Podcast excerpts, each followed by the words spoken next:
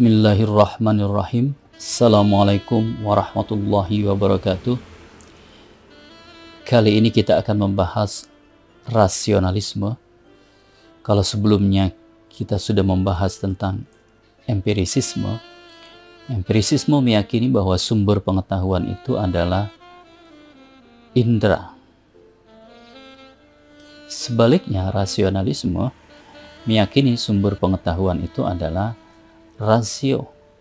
Kemudian rasionalisme juga meyakini bahwa kita ini mempunyai ide-ide bawaan atau innate ideas.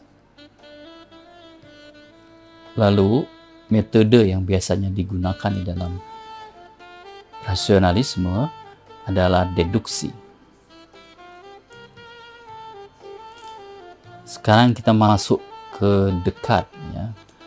Rene Descartes.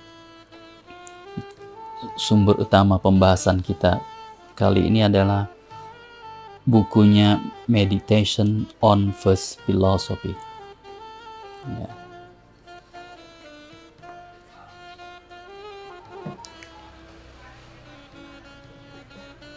Dekat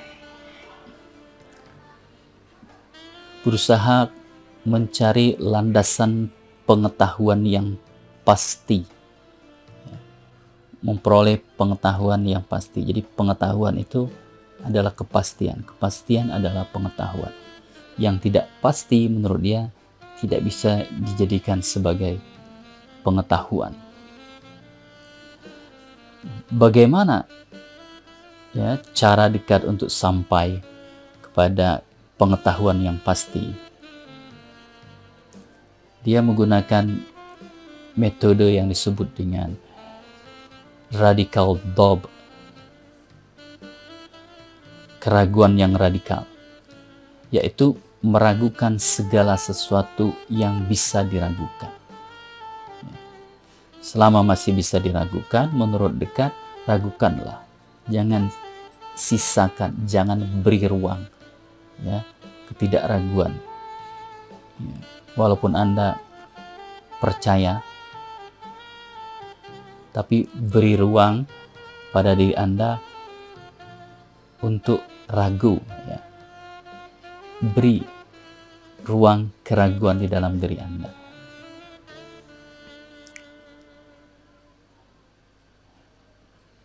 Apa saja yang diragukan oleh dekat? Pertama, ya.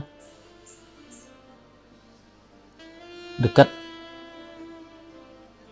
menyatakan bahwa banyak pengetahuan yang dia peroleh, ya, banyak pengetahuan yang dia peroleh sebelumnya itu informasinya itu bersumber dari indera. Tetapi yang menjadi persoalan, indera ini kadang menipu. Nah, menurut dekat, ya, karena indera itu kadang menipu atau pernah menipu. Jadi kita tidak bisa mempercayai indera. Ya. Kita tidak tahu kapan indera ini menipu, kapan dia tidak menipu. Misalnya, contoh yang populer ya tentang ilusi optik ya, ilusi yang bersumber dari indera penglihatan. Tongkat di dalam air misalnya. Ya, itu ya kelihatan bengkok. Ya. Indera penglihatan kita menginformasikan kepada kita bahwa tongkat yang di dalam masuk dimasukkan ke dalam air itu bengkok. Ya. Padahal sebenarnya tidak bengkok. Contoh yang kedua. Kalau hari panas ya di jalan beraspal Anda melihat dari kejauhan itu seperti ada air di atas aspal ya. Padahal tidak ada. Contoh yang lainnya kalau Anda berada di pantai di sore hari ketika matahari tenggelam ya. Kita melihat di ufuk ya. Matahari itu masuk ke dalam laut. Padahal mataharinya tidak masuk ke dalam laut ya. Oleh karena itu kita menggunakan kata tenggelam ya. Nah, itu menurut dekat ya bahasa bahasa yang dia gunakan bahwa indera itu menipu ya. Bahkan ya tangannya sendiri ya. Dia melihat tangannya apa betul tangan saya ini ada? Ya. Jangan-jangan tidak ada. Sampai ia meragukan tubuhnya ya.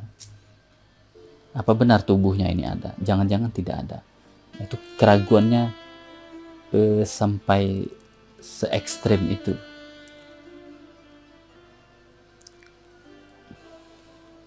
Yang kedua, menurut dekat ya, ketika kita melihat meja di depan kita misalnya, itu kita tidak bisa membedakan apakah kita ini sedang mimpi atau sedang sadar. Ya. Bagaimana cara kita mengetes bahwa kita ini sedang tidak bermimpi ketika melihat meja. Ya. Bahwa kita dalam keadaan sadar dalam ketika melihat meja. Jangan-jangan meja itu tidak ada. Ya. Jangan-jangan kita mimpi saja bahwa meja itu ada. Nah, bagi menurut dekat susah bagi kita ya, untuk mengetes, mengecek apakah kita ini ya dalam keadaan sadar atau dalam keadaan bermimpi. Yang ketiga, tantangan selanjutnya adalah kita asumsikan misalnya ada yang dia sebut dengan evil genius ya kita sebut aja setan ya, seperti itu yang mungkin memperdaya kita di dalam matematika misalnya 2 ditambah 3 ya, menurut dekat di dalam matematika misalnya 2 ditambah 3 itu adalah 5 ini adalah kandidat pengetahuan yang pasti ya. Kandidat kepastian.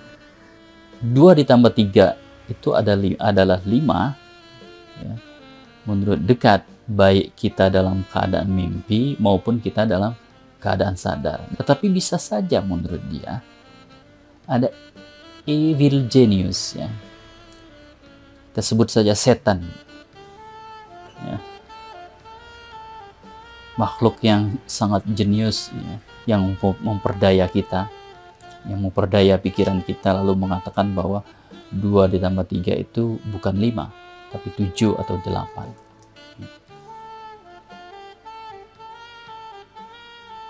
Dari ketiga tantangan itu, ya, dari ketiga persoalan itu yang pertama uh, indera yang menipu ya, indera yang kadang-kadang menipu lalu kita sulit untuk percaya kapan dia menipu atau tidak kemudian problem mimpi ya apakah kita ini sedang sadar atau tidak sadar sehingga pengetahuan kita yang kita peroleh itu ya apakah ini mimpi atau tidak. Jadi tidak ada kepastian di situ Selanjutnya ya kita juga berpikir ya jangan-jangan kita ini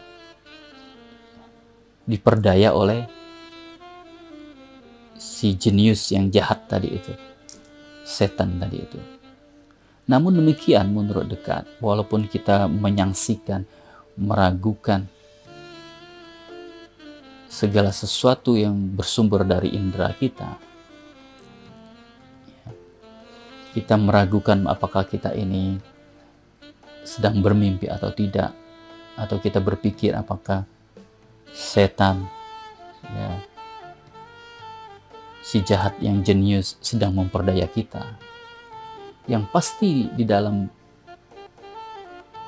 keadaan-keadaan itu adalah kita berpikir ya, kita ragu Oleh karena itu, menurut dekat, pikiran bahasa dia ketika saya berpikir itu ada kepastian bahwa saya itu ada. Jadi yang pasti itu menurut dekat adalah saya berpikir maka saya ada. Itu yang terkenal dengan cogito ergo sum. Yang pasti ada itu adalah pikiran saya dan isinya. Misalnya, saya berpikir bahwa bendera itu merah. Ya, jadi di dalam pikiran saya ini atau isi pikiran saya ini bahwa bendera itu merah. Nah, itu, itu pasti. Tetapi apakah bendera yang di luar pikiran saya yang saya tangkap dengan indera warnanya betul apa betul warnanya merah itu tidak ada kepastian saya ragu yang pasti itu adalah bahwa saya punya pikiran. Bendera itu merah. Yang jadi persoalan adalah apakah pikiran saya itu sesuai dengan kenyataan? Atau apakah kenyataan itu sesuai dengan apa yang saya pikirkan? Nah itu yang belum pasti